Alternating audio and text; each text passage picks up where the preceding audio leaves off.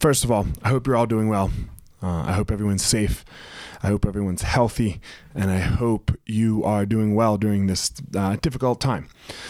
Um, so I posted something yesterday on my Instagram, and I said it said, uh, "I ask not for a lighter burden, but for broader shoulders." So what are we saying there, right? What what is that, man? We we are we are where we are. You know, we, we, we are here. There is nothing we can do about it. To ask for the load to be lightened, man, who who knows when what what that looks like? Who knows what that looks like for me or for you or for this person or that person? We can't ask for that. That's not that's not something that is within our control. But how much we can put on our shoulders and our back, that is with our in within our control that is something that we do have some semblance of control over. Can you handle? The answer is yes. The answer is most definitely yes, you can handle.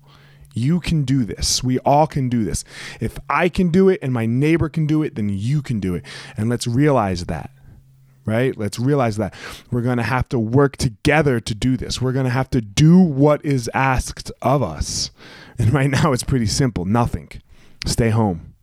You know, it's a very simple ask. It's not easy though. Because it's not what we're used to. We're used to going out and socializing and doing what it is we want, eating what we want, where we want, when we want it, being served, doing right. This is uh, this is not the, this is not our case right now, and that's okay and that's okay. It's going to make us step back. It's going to make us sit down with our families and our loved ones and just enjoy them for a little bit, you know, and just be still. Just be still, guys. You know, that's all it's that's all it's asking of us. How do you do that? You practice. You always practice. What do I do? I wake up in the morning and I get to my breathing and I'm just still right? I'm just still. I have 10 to 20 minutes of stillness just right in the morning. You know, I do my mindfulness breathing and then I'm doing my, I just started Wim Hof. So, you know, again, I've done it before, you know, so uh, I've just started some Wim Hof breathing uh, exercises and it's just a breath exercise. And can I just in every moment feel that breath? And again, that's where my power is going to be. My power is going to be found within me, within that breath. So I hope you're doing well. I'm going to try to do these uh, more consistently.